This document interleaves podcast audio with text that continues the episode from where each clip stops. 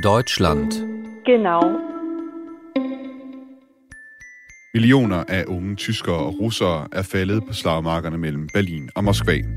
Og millioner af kubikmeter russisk gas har flyttet igennem rør til Tyskland, og millioner af tyske D-mark og euro er blevet sendt retur til Rusland. Den tysk-russiske historie er historien om forbrødring og krig, og med Putins invasion af Ukraine har forholdet mellem de to lande nået et nyt lavpunkt. Du lytter til Genau på Radio 4, hvor vi over fire udsendelser gennemgår historien mellem Tyskland og Rusland. Fra den tyske kejser og den russiske zar og frem til kansler Olaf Scholz, Scholz og præsident Vladimir Putin. Mit navn er Thomas Schumann. Velkommen til Genau. Genau. Genau. Genau. Og det her, det er tredje af fire udsendelser, vi kører. I sidste udsendelse, der fokuserede vi på Ruslands og Tysklands forhold i tiden mellem 1. og 2. verdenskrig, og så selvfølgelig også under de to verdenskrige. I dag der kigger vi på tiden, der kom efter, hvor Tyskland var opdelt mellem øst og vest, og hvor der skulle gå 49 år før landet igen blev helt samlet og selvstændigt. Og med mig, som øh, det har været de to forgangne øh, episoder, der har jeg Lars Hovbakke Sørensen, historiker og forfatter bag flere bøger om Europas historie. Velkommen til igen, Tak for det. og tak fordi du vil være med i den her maraton. Det er en fornøjelse. Vi øh, endte vores øh, historiefortælling sidste gang med 2. verdenskrigs afslutning i 1945, hvor øh, Tyskland, som du også var inde på sidst vi talte sammen, ophørt med at eksistere, og så skulle ligesom genfødes igen. Øh, der blev indført øh, der i den mellemliggende periode et militærstyre, og landet blev opdelt i fire zoner, som besættelsesmagterne USA, Sovjetunionen, Storbritannien og Frankrig administrerede hver især. Og øh, så kom tiden bagefter, som blev domineret af den kolde krig, som øh, løb fra omkring 1946-47 frem til 1990, som et tungt tæppe over verden. Lars, hvad vil overskriften i den her periode, hvis vi kigger på Tyskland og Rusland, være ifølge dig? Jamen, det vil være øh, den kolde krig og kampen øh, for og imod demokrati. Altså, hvor Vesttyskland, som det jo kom til at hedde Forbundsrepublikken, øh, officielt, men i dansk tale, i daglig tale øh, Vesttyskland, repræsenterer demokratiet fra det bliver samlet som stat der i 1949, altså de tre vestlige besættelseszoner. Øh, og så DDR og Sovjetunionen og alle de andre øst- og centraleuropæiske lande, som er under kommunistisk styre, de repræsenterer jo så det ikke-demokratiske øh, system. Øh, så det er en kamp mellem demokrati og diktatur, og det er et spørgsmål om hele tiden for Tysklands vedkommende, hvordan skal man forholde sig til den del af landet, som nu er blevet kommunistisk diktatur? Skal man lægge mest vægt på, at der bor der tyskere, som vi jo hører sammen med, og vi har familie der, har mange vesttyskere jo, eller skal vi lægge mest vægt på i vores politik i forhold til DDR, øh, at det er et kommunistisk regime, og vi vil ikke have noget med dem at gøre. Ja, man kan jo nem- nemt komme til at tale om Tysklands historie i den her tid, men det er jo to Tyskland, det drejer sig om i virkeligheden, et Vest- og et Østtyskland, men typisk, når så tænker man jo bare på Vesttyskland, Ja, fordi det er Forbundsrepublikken, der ligesom overlever det her. det har vi jo en tendens til i, øh, i Danmark og tænke Vesteuropa og Vesteuropas historie generelt i den her periode. De vestlige besættelsesmagter og Sovjetunionen, de kunne aldrig helt komme til enighed omkring spørgsmålet og opdelingen om, om Tyskland. Som de fleste nok ved, så blev Tyskland jo altså opdelt i øster med Sovjetunionen, som, hvad skal man sige, den garant øh, derover, og så et vest med de vestlige magter. Øh, hvorfor valgte man overhovedet at lave den her opdeling af, af Tyskland i øst og vest? Jamen, det var heller ikke rigtig noget, man valgte. Det kom bare til at være sådan, fordi øh, man jo havde befriet forskellige dele af Tyskland øh, i de sidste faser af 2. verdenskrig. Der kom de vestlige tropper øh, fra Vesteuropa, og de østlige øh, russiske tropper, de kom øh, fra den modsatte side. Og så mødtes de jo der, hvor grænsen kom til at gå i virkeligheden mellem Øst- og Vesttyskland senere hen. Og så var der jo det særlige, at Sovjetunionen, de var ikke villige til, de sovjetiske politikere, at opgive deres øh, øh, øh, Øh, system øh, med hensyn til, hvordan samfundet skulle indrettes politisk og økonomisk, øh, med planøkonomi og med Kommunistpartiet som det dominerende øh, parti. Hvorimod de vestlige lande, de lagde meget vægt på, at Tyskland skulle afnazificeres, men at tyskerne, vesttyskerne, som det jo så blev, skulle i anførselstegn opdrages til at være demokrater. Øh, så det var to uforenelige synspunkter, som man havde i virkeligheden.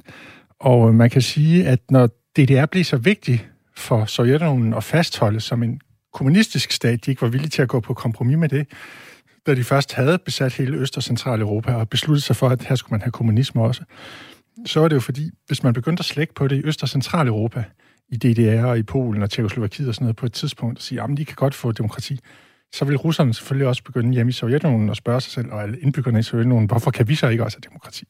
Så på den måde blev Sovjetunionen ligesom fastlåst i den strategi, de havde valgt fra starten med at sige, jamen vi besætter Østeuropa og indfører vores system der. Det kunne de ikke rigtig komme ud af igen, så, selvom de måske på et tidspunkt godt kunne have lyst til at slække på, eller slippe tøjlerne lidt, øh, for at få bedre råd til at opretholde kommunismen i Sovjetunionen, så kunne det ikke lade sig gøre. Jeg vil også sige, her efter øh, 2. verdenskrig, så er der også øh, sket sådan et radikalt skifte i det forhold, som Tyskland havde øh, øh, traditionelt har haft over for Rusland og siden Sovjetunionen. Altså, hvor de to lande mere var jævnbyrdige øh, størrelser, men her er Tyskland jo så øh, ender med at blive sådan en, på en eller anden måde en lilleputstat, øh, ja. i hvert fald øh, en militær magt, ikke? Øh, og Sovjetunionen ender med at blive, blive en supermagt. Ja, det, det er rigtigt. Øh, Sovjetunionen er jo på det her tidspunkt, øh, så vidt jeg husker, det tredje største land i verden, øh, befolkningsmæssigt efter Kina og Indien, og så USA så nummer fire. Så de har jo flere hundrede millioner indbyggere. Vesttyskland, som vi kalder det på dansk, øh, eller Forbundsrepublikken, har jo kun de der cirka 62 millioner indbyggere i den her periode under den kolde krig, og så bor der cirka 18 millioner i DDR. Så Vesttyskland er stadigvæk det største land i øh, Europa øh, efter, efter øh, Sovjetunionen, men jo ikke ret meget større end lande som Frankrig og Storbritannien og Italien, når man ser på befolkningstallene. Man havde altså på vestsiden kapitalistiske samfund, og i Tyskland, øh, i Vesttyskland et kapitalistisk samfund, øh, og Vesttyskland blev anerkendt som øh, en forbundsrepublik med demokratiske valg, en forbundspræsident og en kansler, sådan som vi også kender det i dag. Øh, og de vestlige besættelseslande, de fastholdt, kan man sige, en, en vis kontrol over Vesttyskland indtil 1951, hvor landet det blev en fuldbyrdet selvstændig stat. Og i 1954 blev besættelsesstyret endelig afsluttet med Paris-aftalerne. Det var så på nær øh, Berlin, som var i det særtilfælde. Det, der var også det særlige ved Berlin, at den jo på sin egen måde blev inddelt i, i fire zoner, ja. øh, og derfor man har Berlinmuren, selvom Berlin ligger langt over ja. i øh, Østtyskland i virkeligheden. Og den blev så bygget i 61, I 61. Øh, da der er rigtig mange østberliner og østtyskere i det hele taget, der vælger at flygte til øh, Vest-Tyskland øh, via Berlin, så, så føler russerne så et behov for at bygge den her Berlinmur, for at holde deres indbyggere inde i øh, deres eget land. Ja, og på østsiden, som du er inde på her, der havde man altså jo så det modsatte af det kapitalistiske system, man havde, øh, selvom man kunne sige på overfladen, hvis man lytter til landets øh, navn, øh, DDR, Deutsche Demokratische Republik, den tyske demokratiske republik, så er det altså et øh, kommunistisk styre, der ikke er særlig demokratisk. Øh, der blev afholdt sådan skindemokratiske øh, valg, hvor hvad skal man sige, resultatet var afgivet på forhånd. Det der, er var... altid, der er altid noget øh, mistænkeligt ved, når lande føler behov for at nævne ordet demokratisk i deres land. Det, vi har også den demokratiske republik Kongo i der i Afrika eksempelvis. Jeg mener, Så der er mange paralleller til det. Ja. Er, er det ikke også Nordkorea, der hedder noget med demokratisk? Jo, det kan godt være, de officielt hedder det. Det, har, jeg ikke, det har jeg ikke lige overblik over. Og øh, de her to lande blev altså, hvad skal man sige, ja, helt... Øh, hvad skal man sige, blev to øh, vidt forskellige samfund og kom til at ligge på hver sin side af, i, i den kolde krig. Og jeg kan ikke lade være med at tænke på, om, om Vest- og Østtyskland, altså, det simpelthen var den scene, hvor de her to øh, magter, altså henholdsvis Vesten og Sovjetunionen, det var simpelthen øh, hovedscenen i den kolde krig. Ja, det kan man godt sige, fordi udgangspunktet var jo en stat, der havde en befolkning, der identificerede sig som et folk. Der var jo ikke nogen før den her tilfældige, kan man sige, opdeling i Øst- og Vesttyskland, der havde tænkt på, at østtysker var noget særligt og helt anderledes end vesttysker eller omvendt. De opfattede sig jo som et folk, og det var de jo også. Øh, så den der identitet knyttet til DDR og Forbundsrepublikken hver især, den, øh, den skulle først til at opstå, hvis den overhovedet nogensinde opstod. Øh, og, øh, og derfor bliver det jo så markant i Tyskland, fordi man pludselig har splittet et folk, som sprogligt og kulturelt altid har hørt sammen, ad i to øh, dele. Ja, hvordan, hvordan havde folk i Østtyskland det så med, at de skulle høre ind under et styre, der var dikteret af Moskva? Jamen, det tror jeg ikke, der var ret mange, der havde det særligt godt med, men øh, ligesom i de andre østeuropæiske kommunistiske lande, kunne de jo ikke gøre så meget ved det. Jo, der var nogen, der var meget modige og gik ind i demokratibevægelser osv., men det var jo en lille del af befolkningen. De fleste affandt sig jo med det, øh, med systemet, og, øh, og valgte at, og bare øh, ikke være aktiv i, i politik, men at, at leve deres dagligdag så godt de nu øh, formåede.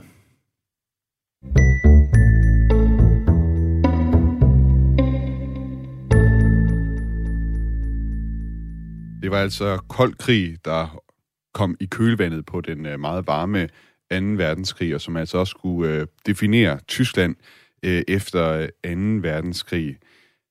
Det er jo så også et tidspunkt nu, kan man sige, min, min sådan hovedoverskrift på den her programserie, det er, at man sige, en af mine tanker omkring forholdet mellem Rusland og Tyskland er, at det er forbrødring og krig, der ligesom har defineret det forhold. Og der kommer jo også et tidspunkt her under den kolde krig, hvor altså man kan sige, Østtyskland er jo lidt tvunget ind i det, men hvor også Vesttyskland øh, begynder at kigge over øh, med mildere øjne på Sovjetunionen igen. Ja. Hvornår starter det? Jamen, det starter under Willy Brandt, som bliver forbundskansler i 1969. Øh, vi har jo en række forskellige regeringer i Tyskland, øh, fra for, i Vesttyskland, i Forbundsrepublikken, øh, fra 1949, og i starten er det de kristelige demokrater, altså det borgerlige parti, store borgerlige parti, CDU og deres søsterparti CSU, som er det dominerende parti i Bayern, men altså reelt øh, nærmest det samme parti. Det er dem, der har magten øh, i de fleste regeringer. Øh, Konrad Adenauer, den første forbundskansler, han sidder fra 1949 til 63 øh, og leder en koalition, eller leder en regering, af, som består af de her kristelige demokrater. Og de har den her holdning, at, at man vil ikke acceptere DDR som en separat stat. Man vil ikke officielt anerkende DDR, og man øh, laver ovenikøbet en, øh, en ordning, eller en, øh, man har sådan en doktrin, som kommer i 1955, altså sådan en erklæring om, hvordan man ser på Tysklands politikken, som, øh, som den her regering udsender, som, øh, som altså øh, klart lægger fast, at man ikke ønsker at anerkende, at DDR er en særlig selvstændig, suveræn stat, men at øh, det naturlige er, at øh, Tyskland, øh, de to dele af Tyskland skal høre sammen, også i fremtiden.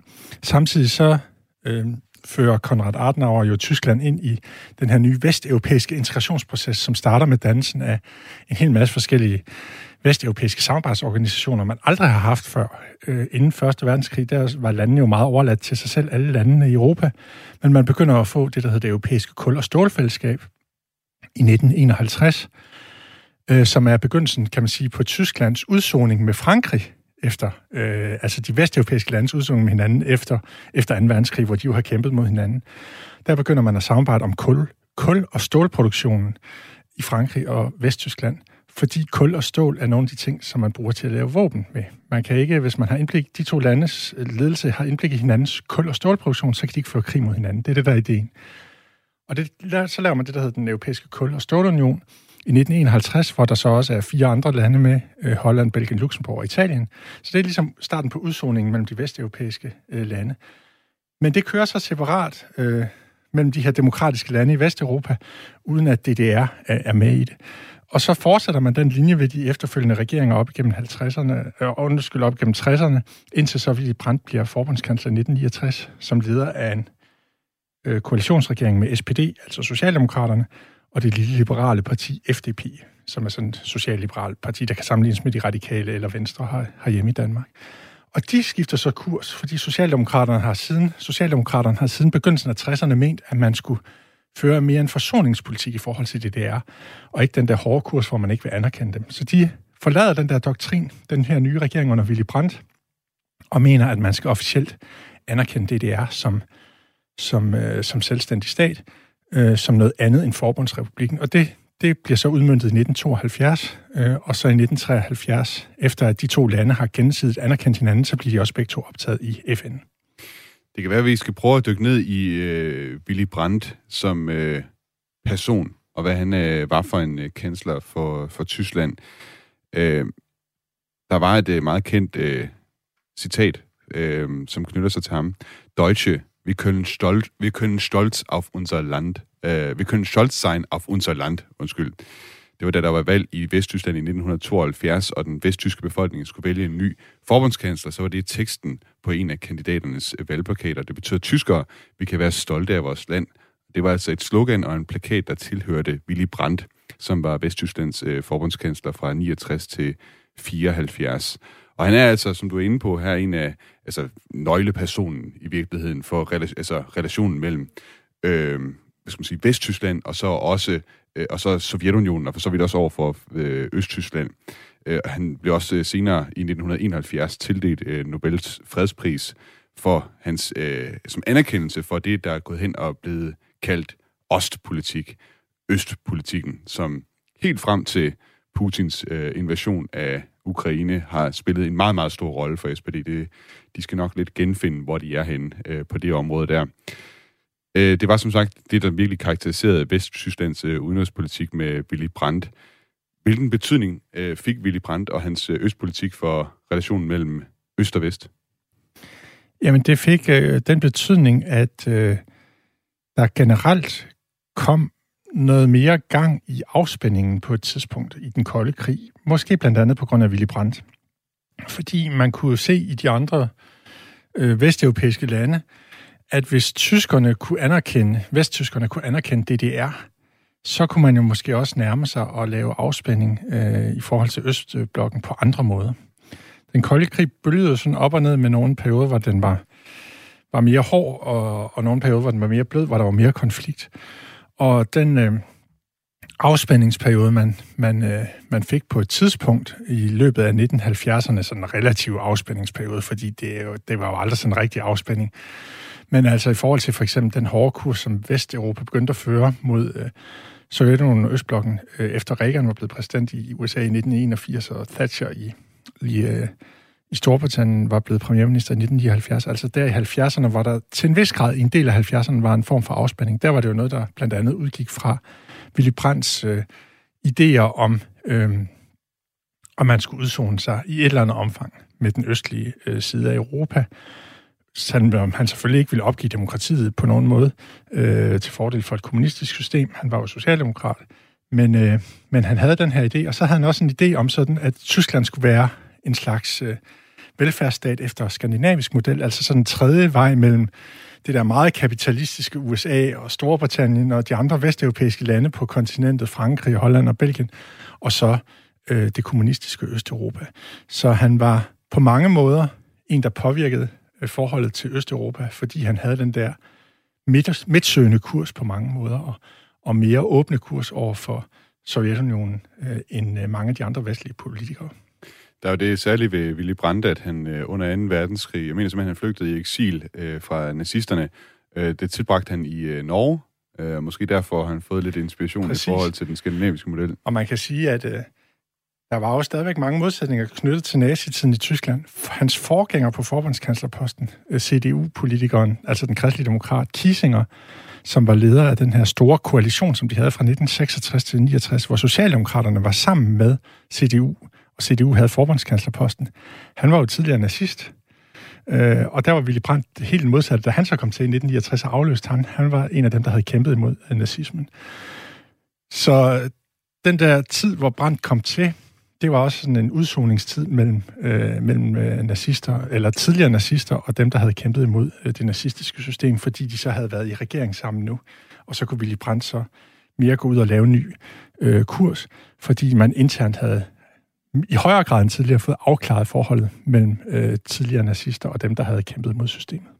Og der er nærmest ikke noget bedre eksempel på det, end det billede, der måske er mest berømt af Willy Brandt, hvor han på en øh, rejse i Polen går på knæ, altså øh, simpelthen, øh, ja, med knæ og, og, hvad skal man sige, har hovedet øh, bukket sådan i en digtighed, i, i alvor, i sorg.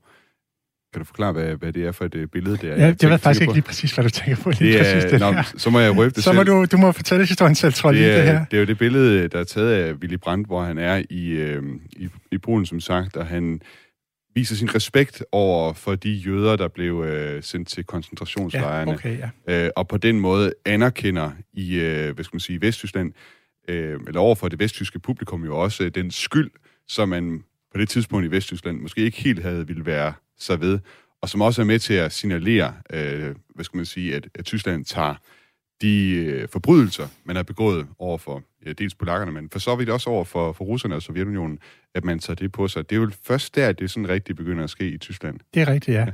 Og det kræver selvfølgelig også, at der er begyndt at vokse nye generationer op og blive voksne, som ikke har haft lod og del i krigen. Altså, de er jo selvfølgelig både Willy Brandt og hans forgænger Kissinger, som jeg har nævnt før, de jo har været en del af Tysklands historie under 2. verdenskrig. Men mange unge tyskere på det her tidspunkt har jo ikke været en del af det. Og også af hensyn til dem begynder man jo så efterhånden at øh, have en anden holdning til det der med, hvordan skal vi se på vores fortid.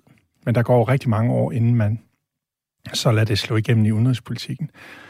Og det bliver jo brugt som argument for ofte, også helt frem til i dag nærmest, at man ikke skal, skal blande sig unødigt rundt omkring i verden. Hvordan er det, hvordan forholder det sig i Østtyskland øh, på det her tidspunkt? Altså, der man bare, skal man forestille sig, der er man bare øh, bongkammerater med Moskva og, og, og orienterer sig ikke så meget man, over mod Vesten, eller hvad?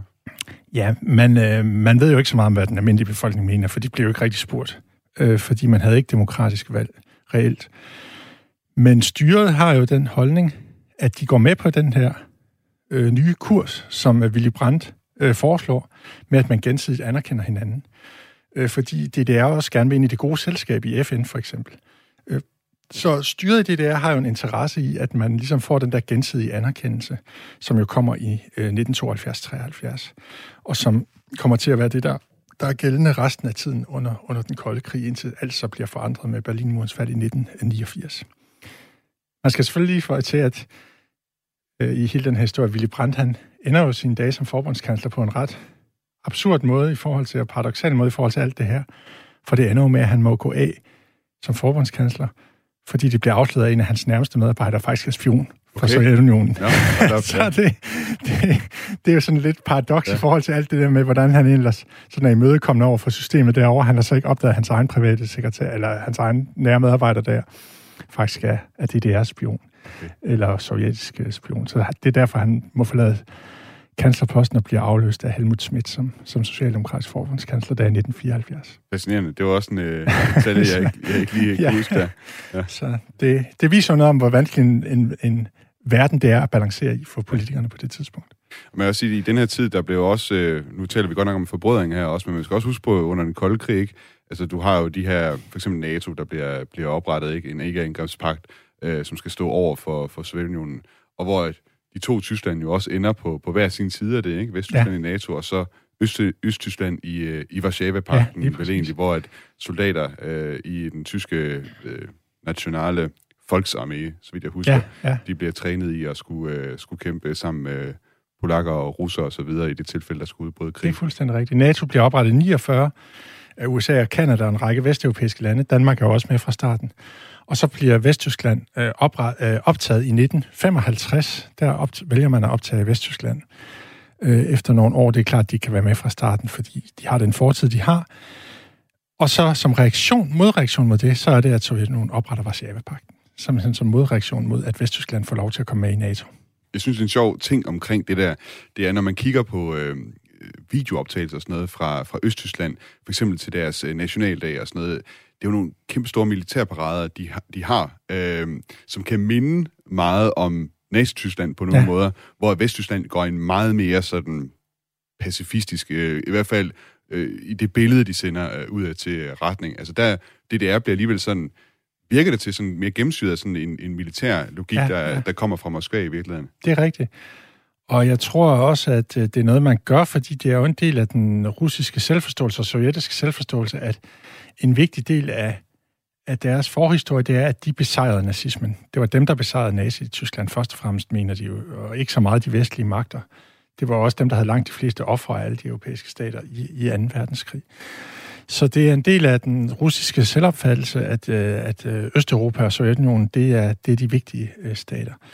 Og det her med, at for eksempel, at de optager, eller de opretter Varsava-pakten på baggrund af, at Vesttyskland Øh, optages i NATO, det er jo meget noget, man kan genkende også i Putins retorik i dag. Det der med, jamen det er Vesten, der ligesom truer os, og så må vi, bliver vi nødt til at tage et mod, en modforholdsregel.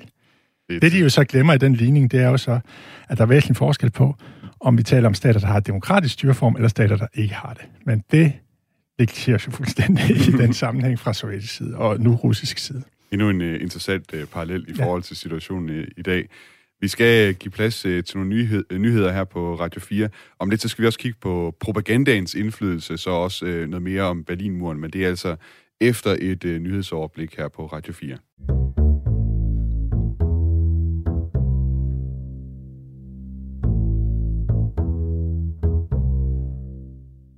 Du lytter til Genau på Radio 4. Over fire udsendelser går vi i dybden med Tyskland og Ruslands forhold til hinanden, for de to lande har haft et forhold med op- og nedture. Vi er kommet til perioden under den kolde krig fra 1945 frem til murens fald, som vi kigger på i dag. Og under de her fire udsendelser, der har jeg Lars Hårbakke Sørensen med, som er historiker og forfatter bag flere bøger om Europas historie. Du lytter til Genau på Radio 4. Mit navn er Thomas Schumann.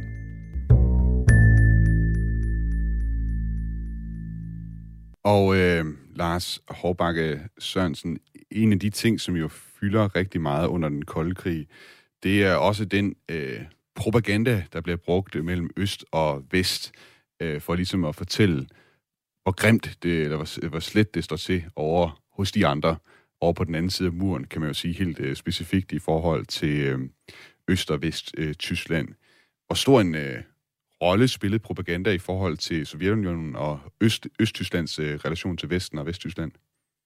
Jamen, det spiller en rigtig stor rolle, for det er klart, når man har et øh, ikke-demokratisk system, så øh, kommer det her med propagandaen jo til at fylde rigtig meget, fordi så skal man jo hele tiden overbevise sin befolkning om, at der er en anden øh, der er en anden øh, virkelighed, end den, de måske kan se til daglig. Øh, der var jo på grund af det økonomiske system i Sovjetunionen og i alle de østeuropæiske lande tit varemangel eksempelvis. Så folk øh, stod i kø i lang tid for at øh, få øh, almindelige livsfornødenheder, fordi man producerede jo ikke med planøkonomien varer efter, hvad der var udbud, efter, efter reglerne om udbud og efterspørgsel efter. Man producerede ikke antal varer efter, hvad der var efterspørgsel efter, men man planlagde bare med de her langsigtede planer hele tiden, hvad skulle man producere, og, og det var jo ikke altid det var det, som, som befolkningen havde, havde brug for. Derfor var der samtidig øh, mangel på brød og lange køer, kunne man øh, se øh, uden for almindelige dagligvarerbutikker. Og i sådan en situation, der har man jo i højere grad fra styrets side behov for at forklare sig, også når man ikke har et reelt demokrati hvad er egentlig grunden til, at øh, vi har det sådan? Og så er det jo nærliggende at skyde skylden på fjenden, på modparten, og sige, jamen, det er fordi, vi er underlagt øh, nogle vestlige lande, der vil true øh, Sovjetunionen, eller true Rusland, eller hvad man nu øh, vil sige. Øh, og det er derfor, at øh, vi bliver nødt til at stå sammen mod Vesten, og det er derfor, I har det dårligt. Det er ikke vores skyld, det er ikke regimets skyld her, det er, det er nogle andres skyld. Kan man, kan man sige noget om, hvem øh, øh, der klarer sig bedst i det her propagandaspil? Det er meget svært at sige, fordi øh, det er jo et spørgsmål om, at det er nogle helt forskellige samfundssystemer. Og i et øh, demokratisk system, der vil propaganda på den måde, som går op imod virkelighedens fakta, det vil jo aldrig nogensinde komme til at virke på samme måde, fordi hvis man har et rigtigt demokrati, som man jo havde i Vesteuropa, så har man frie medier, som kan påpege, når magthaverne laver et eller andet forkert, osv. osv. Der vil det jo blive gennemskuet, hvis øh, regeringen forsøger at lave en propaganda, som ikke svarer til, øh, hvordan virkeligheden ser ud. De muligheder har man jo ikke i et øh, kommunistisk diktatur, eller andre diktaturer for den sags skyld. Der har befolkningen jo ikke samme mulighed for på samme måde at gennemskue øh, propagandaen.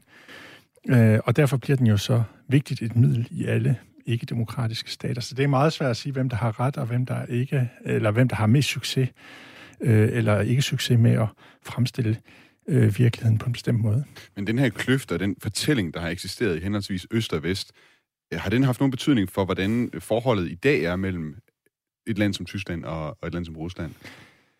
Det kan man øh, på en måde godt sige, og især har det måske haft betydning for det interne forhold mellem øh, dem, der boede i DDR og dem, der boede i Forbundsrepubliken Tyskland, fordi efter den kolde krig ophør, da Tyskland så blev genforenet i 1990, så får man jo en samlet stat, men man får også en stat, der består af en befolkning, som har meget forskellige levestandardniveau.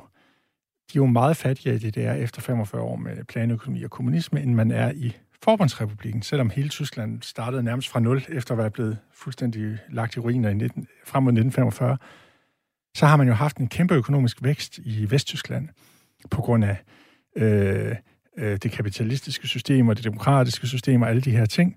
Og det har jo så gjort, at der var basis for efter 1990, selvom landet var blevet genforenet, eller selvom de to dele var blevet genforenet, at man så kunne, øh, at der kunne opstå fortællinger blandt øh, øh, østtyskere om, at øh, når vi er så fattige, så er det nok, fordi vesttyskerne de øh, behandler os dårligt i den her nye samlede stat.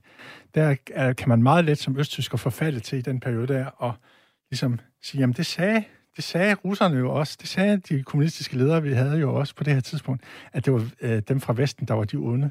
Og det kan vi jo se nu, vi har det stadigvæk dårligere end dem, og de ser ned på os og så videre, så der er ikke ret langt fra, fra den fortælling, der var under den kolde krig, og så til den fortælling, man hurtigt kan opbygge der om, hvorfor er vi fattigere end de andre, hvorfor kan de andre ikke lide os, øh, når man så er blevet forenet. Og det har man jo set meget i, i tysk politik efter det tidspunkt, at for eksempel højre såvel som venstre ekstremistiske kræfter, de har generelt stået stærkere i det tidligere DDR, når der har været fri demokratisk valg siden 1990, end man har set det øh, tilsvarende i Forbundsrepublikken af netop den her grund.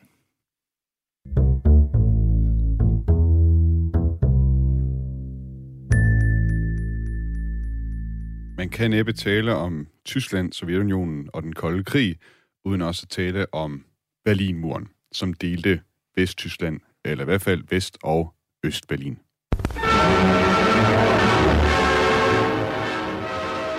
As the communist barrier between East and West Berlin grows higher and stronger, the more determined grows the will of those in the East to escape.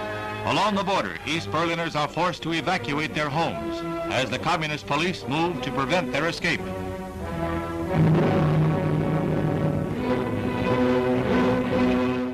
Ja, det er et herligt uh, gammelt uh, amerikansk nyhedsindslag, vi hører her om de forfærdelige kommunister, der bygger uh, Berlinmuren tilbage i 1961, ja. og jo dermed, hvad skal man sige, virkelig uh, ændret, hvad skal man sige, uh, ja, forholdet, eller hvad skal man sige, ændret karakteren af den, af den kolde krig. Uh, hvorfor valgte man overhovedet at bygge den her mur, der skulle øh, løbe ned igennem, øh, midt igennem øh, Berlin? Jamen det er, som han også øh, får sagt her i øh, det her korte klip, simpelthen fordi man øh, vil forhindre ens egen befolkning i at flygte ud af landet.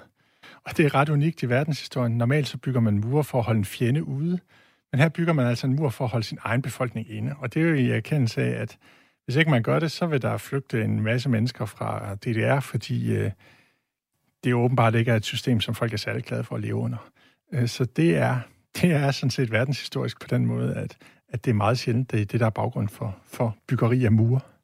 Jeg har nogle gange selv øh, lidt svært ved at forestille mig, hvordan det har været at være i Berlin derfra 45 og op til 61, altså hvor byen jo er opdelt i, øh, hvad bliver det, fem forskellige øh, mm. zoner, ikke? Øh, Eller fire. Fire, ja, undskyld, ja. ja. USA, Sovjetunionen, ja. Storbritannien og Frankrig er fire ja. zoner. Øh, altså, men der ikke er nogen mur. Altså, på en eller anden måde, så kan man sige, det, for os, der kigger tilbage nu, kan det virke mere naturligt med, at det var en mur, der egentlig adskilte ja. men der var jo en periode, hvor det var, at folk de mere eller mindre kunne vade ind og ud af de her ja, zoner. Det er rigtigt. Ja, Og det er jo så... Øh fordi de gjorde det i større og større omfang, at man så til sidst bygger muren, kan man sige. Ikke? Ja. Og det er jo fordi, der går nogle år, hvor folk lige skal finde ud af, hvad de vil. Vil de virkelig forlade deres, øh, altså deres øh, øh, fødested, eller der, hvor de nu har boet i mange år, altså den del af Tyskland, hvor de boede i og rejse til en helt anden del af Tyskland øh, på grund af det her politiske regime. Altså det jo kræver jo mange overvejelser at flygte altid øh, fra, fra der, hvor man er vant til at bo. Øh, men det er klart, det virker mærkeligt for os nu, at der ikke var en mur de første år, men sådan er det jo altid med historien, at den er fremadskridende, og ja, der sker nogle ting, som man slet ikke kunne forestille sig. Og i, fra den østtyske side, der gik man jo i lang tid og sagde, vi har ikke nogen hensigt om at bygge en mur. Og så kom muren ja. en dag alligevel. Ja. Hvor anspændt var situationen på det tidspunkt mellem øh, øst og vest? Altså, der i starten af 60'erne, der var den jo ret anspændt, og det er også derfor, at muren kommer på det tidspunkt. Det er jo næsten samme, samtidig med Kuba-krisen også. Øh, så det er en af de der perioder i de her op- og nedgangstider, der er i den kolde krig, hvor, hvor, der, er virkelig, øh, hvor der er virkelig meget spænding mellem, mellem øh, supermagterne, mellem Øst- og Vestblokken. DDR byggede ikke kun Berlinmuren, det blev også øh, suppleret med en betonmur på 112 km rundt om Vestberlin. Så ikke bare blev Berlin øh, ligesom delt i midten, den blev også omringet af en øh, betonmur. Og ligeledes så forbød øh, DDR's regering i 1962 med omgående virkning alt besøg og ophold langs den 300 km lange kyststrækning ved Østersøen mellem Forbundsrepublikken og Polen. Det var altså noget, som altså, helt bogstaveligt talt øh, adskilte familier, familier og venner og bekendte fra hinanden. Øh, nu er det, siger vi, det er Østtyskland, der, der bygger den her mur. Hvor meget er det egentlig et, et, et, hvad skal man sige, et krav, der kommer fra Moskva også? Jamen, det er alt, hvad der sker i Østtyskland i den her periode. Alt, hvad der sker i alle de østeuropæiske lande, det er noget, som Moskva dikterer stort set. Altså, der er ikke nogen reel selvbestemmelse. Når øh, partitoppen Kommunistpartiet i Sovjetunionen siger, at man skal gøre et eller andet i Polen, eller i Østtyskland, eller Tjekoslovakiet, eller Ungarn, eller de andre lande, så, så gør man det. Der er mange mennesker, som, som ender med at dø, simpelthen fordi de flygter, øh, i forsøget på at flygte over muren, øh, bliver skudt ja. øh, af grænsevagterne her. Jeg tænker, hvordan har Berlinmuren, det at, at der jo fra mere eller mindre fra Sovjetunionens side bliver opført den her mur i, i Tyskland, hvordan har det påvirket relationen mellem Tyskland og, og Rusland? Jamen, det var helt klart med til at gøre forholdet dårligere, men det var måske så alligevel også med til at få for eksempel de tyske socialdemokrater, SPD, til at nå til en ny erkendelse af, hvordan man skulle takle forholdet øh, til de østeuropæiske lande, altså den her Tysklands øh, politik, hvordan man skulle øh, takle forholdet til DDR. Og det var jo netop øh, kort efter Berlinmurens øh, opførelse i 1961, at Socialdemokraterne i Tyskland i 1962 præsenterede ny Tysklands politik, det her med, at man skulle anerkende, arbejde hen imod at anerkende Østtyskland som en selvstændig stat, i stedet for, som man hidtil havde gjort under de kristelige demokraters ledelse, øh, i den første tid, hvor Forbundsrepublikken eksisterede, at sige, at vi vil slet ikke have diplomatiske forbindelser med nogen lande, som øh, anerkender DDR.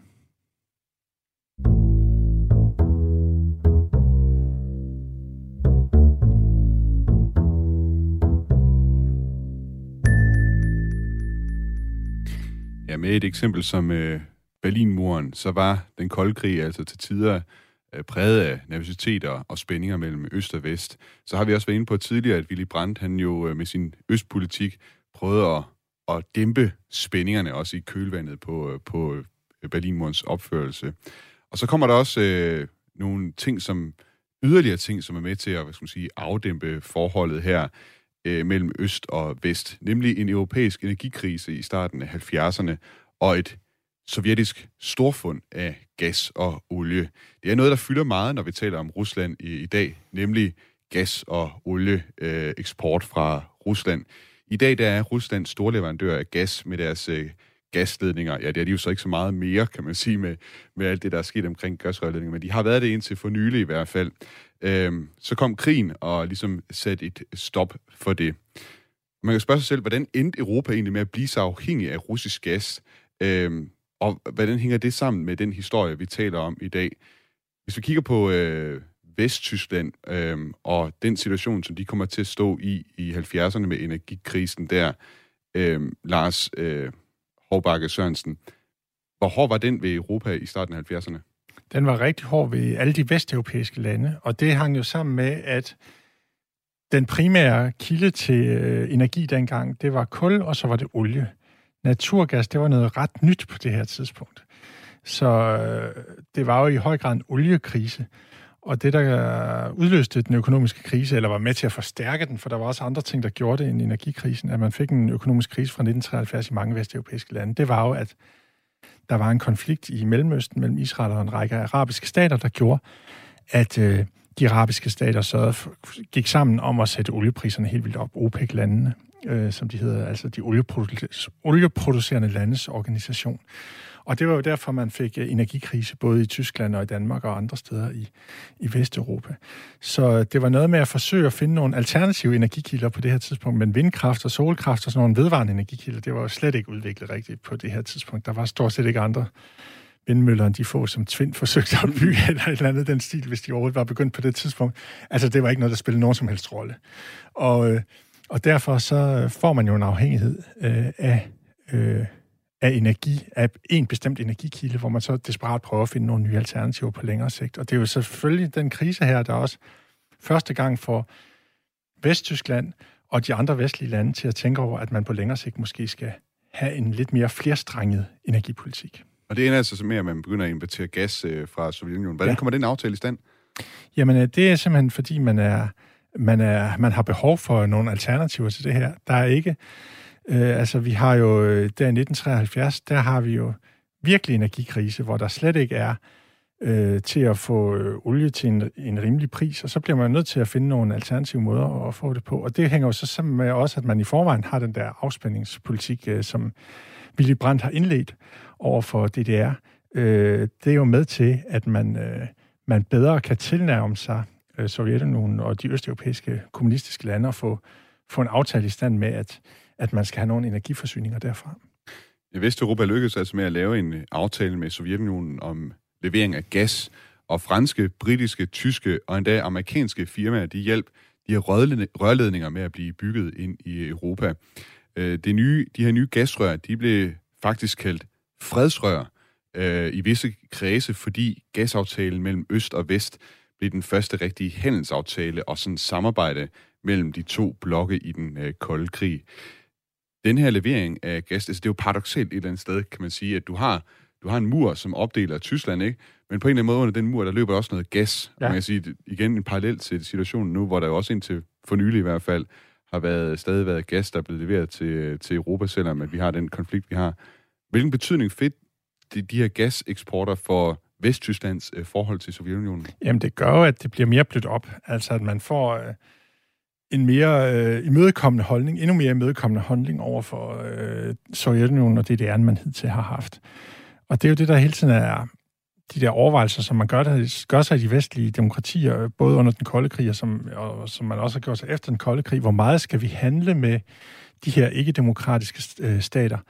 Fordi der er nogle økonomiske interesser, og så har vi selvfølgelig også interessen i at øh, kæmpe for demokratiet og fastholde det, øh, og sørge for, at diktaturet ikke bliver mere udbredt, end det er i forvejen. Og de ting, de interesser, de går ikke altid i, i samme retning.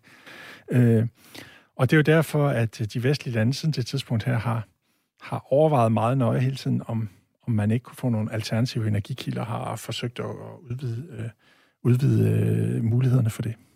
Der er en sjov krølle ved det også, at øh, selv under den kolde krig, med de perioder, hvor at forholdet blev rigtig anspændt mellem øh, øst og vest, der flød der stadig gas øh, til, til Vesttyskland. Ja. Og der er jo en del tyskere, som måske har været det vantro over for, om ikke også gassen, altså de kan slet ikke kunne forestille sig, at det ikke også øh, vil blive ved med at være sådan selv efter Putins øh, invasion af Ukraine, men det har vi jo så fået en, øh, en øh, stopper for nu. Ja, så. altså der må man sige, at Putins Rusland er jo villig til at bruge til synligheden andre metoder, end man var villig til under hele den kolde krig. Altså, der var jo heller ikke nogen, der troede med at bruge atomvåben, øh, sådan for alvor under den kolde krig. Øhm, så på alle måder er det anderledes, det der sker øh, i dag.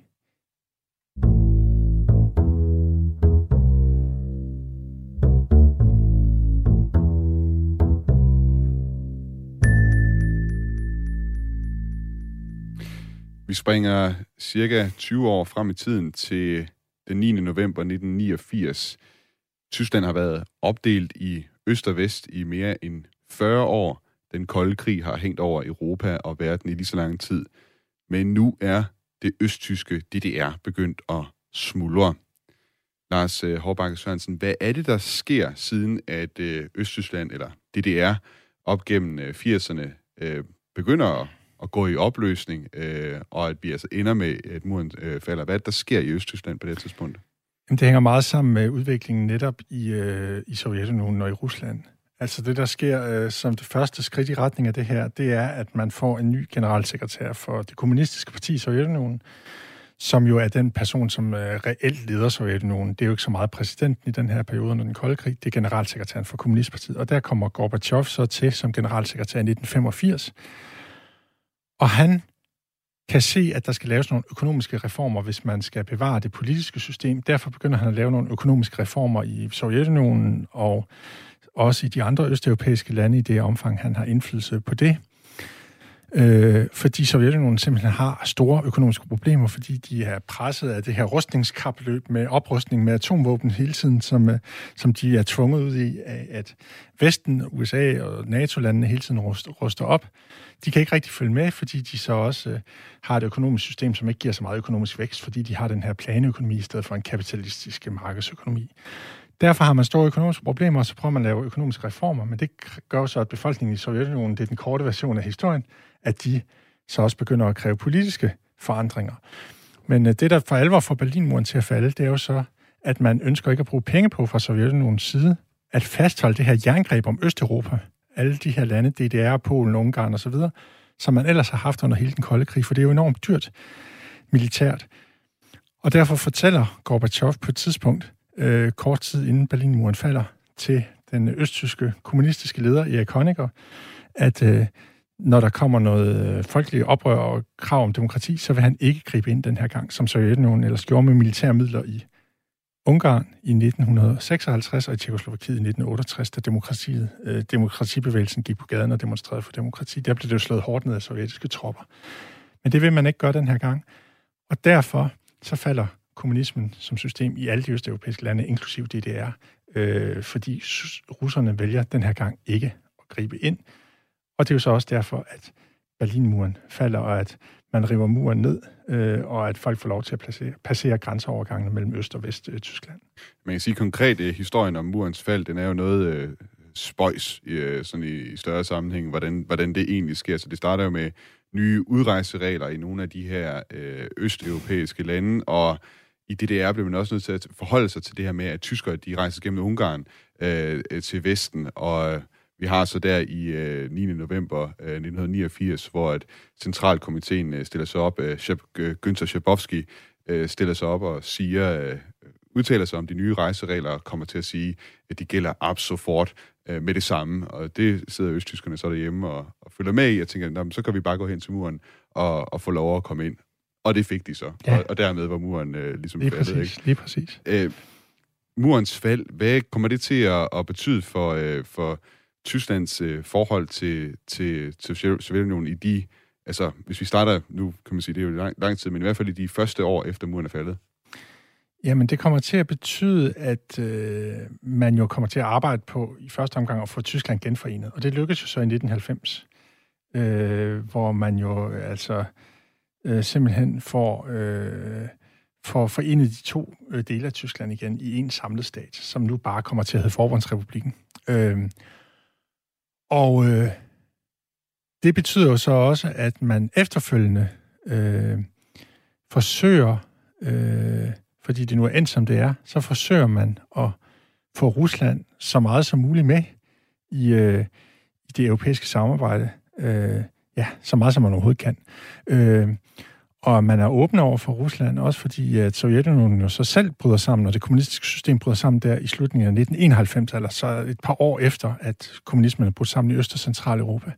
Og så får man en stat, der bare hedder Rusland, i stedet for Sovjetunionen, hvor der ikke er lige så mange lande med, øh, eller som ikke er lige så stort arealmæssigt, fordi de øh, 14 tidligere øh, eller de 15 tidligere delstater i Sovjetunionen, de bliver så til selvstændige stater. Det er jo det, der sker der i, i slutningen af 1991. Øh, det er en længere historie, men, men det går i opløsning, og så bliver øh, Jeltsin så præsident for øh, Rusland, som nu er den største stat i øh, øh, arealmæssigt i, i, i verden, og som, øh, som jo så bare øh, bliver et, øh, et almindeligt øh, demokrati. Øh, dog med visse, ja, ikke helt så fuldbyrdet demokrati som i Vesteuropa, men det er den periode, hvor Rusland er mest demokratisk i hele sin øh, historie. Det er fra 1993 til 2000, mens Jeltsin er præsident. Og det betyder jo da, at i 1990'erne, der prøver man hele tiden at få Rusland med. Øh, og det gør tyskerne også. Man vil gerne have Rusland og Jeltsins nye spirende demokrati i Rusland med i det europæiske øh, samarbejde. Og derfor samarbejder man jo med dem om alt muligt forskelligt, som man så fortryder efterhånden, som Putin tager magten og øh, viser sig at være ikke så demokratisk sindet, så har man jo pludselig startet en hel masse samarbejde op med Rusland inden for alle mulige områder, som man så i løbet af 2000'erne og 10'erne ser, at det måske ikke det mest hensigtsmæssige at have Rusland med i alt det her. Det er ikke så lang tid siden, at øh, Mikhail Gorbachev øh, døde, altså den sidste leder i, i Sovjetunionen. Øh, det blev markeret meget, meget tydeligt i Tyskland. Øh, han har en særlig plads i øh, tyskernes hjerter. Hvorfor har han det? Det er jo fordi, man mener, det er ham, der har sørget for, at man kunne blive genforenet. Altså Øst- og Vesttyskland kunne blive øh, en stat igen. Øh, og derfor spiller han jo en kæmpe rolle, og lige så stor en held han er i Tyskland, lige så stor en skurk betragter regimet i det nuværende Rusland ham jo som, fordi det var ham, der afviklede imperiet. Øh, det er sådan, Putin ser på det. Men det er jo i virkeligheden, kan man sige, et eller andet sted, altså hvis man ser det med vestlige briller, ikke? Altså særligt med tyske briller, ikke? Altså det der, det der Rusland virkelig har vist, hvad skal man sige, moralsk øh, leder, lederskab, ikke? Ved at tillade, at Tyskland kunne blive genforenet. Ja, det er rigtigt. Og øh, det var det, der, var... Øh, det var jo nogle forhandlinger, hvor både Sovjetunionen og Polen og de tyske lande og de vestlige lande øh, spillede en rolle. Ikke så meget Polen, de blev holdt lidt udenfor, men mest de andre, mest de andre der, der blev enige om det her, amerikanerne og britterne og franskmændene osv. Og, og det, der jo også gjorde, at det kom til at foregå så fredeligt, øh, dengang at pludselig Berlinmuren faldt, og øh, det, alt det øst, østeuropæiske kommunistiske øh, styre øh, faldt sammen, det var jo også, at der var en stor koordinering mellem de vestlige lande. Altså, Vesttyskland var jo ikke bare Vesttyskland. Det ville det jo have været, hvis, hvis det havde været i 30'erne, så havde hvert land stået alene, men de vestlige lande, de stod jo sammen og havde udarbejdet et kæmpe samarbejde i løbet af den kolde krig, så i, i, i form af EU og NATO, så man forhandlede jo meget og koordinerede meget med hinanden om, hvordan man skulle forholde sig til det her. Lars Håbakke Sørensen, historiker og forfatter bag flere bøger om Europas historie. Vi er næsten op ved nutiden nu. Nu har vi dækket den kolde krig. Øh, det er en fornøjelse at have dig med. Og Lige måde, vi, kommer, vi kommer også til at have dig med i øh, den sidste udsendelse her. Vi når desværre ikke mere for den her gang, men jeg tænker også, at vi er kommet igennem øh, det hele indtil videre. Husk, at du altid kan finde Genaus udsendelser som podcast via Radio 4's app eller på Radio 4's hjemmeside, hvor du kan lytte til alle sammen. Dagens program var tilrettelagt af Lasse Lindholm. Redaktør er Dorte Lind. Mit navn er Thomas Schumann. Tak fordi du lyttede med. Auf Wiederhören.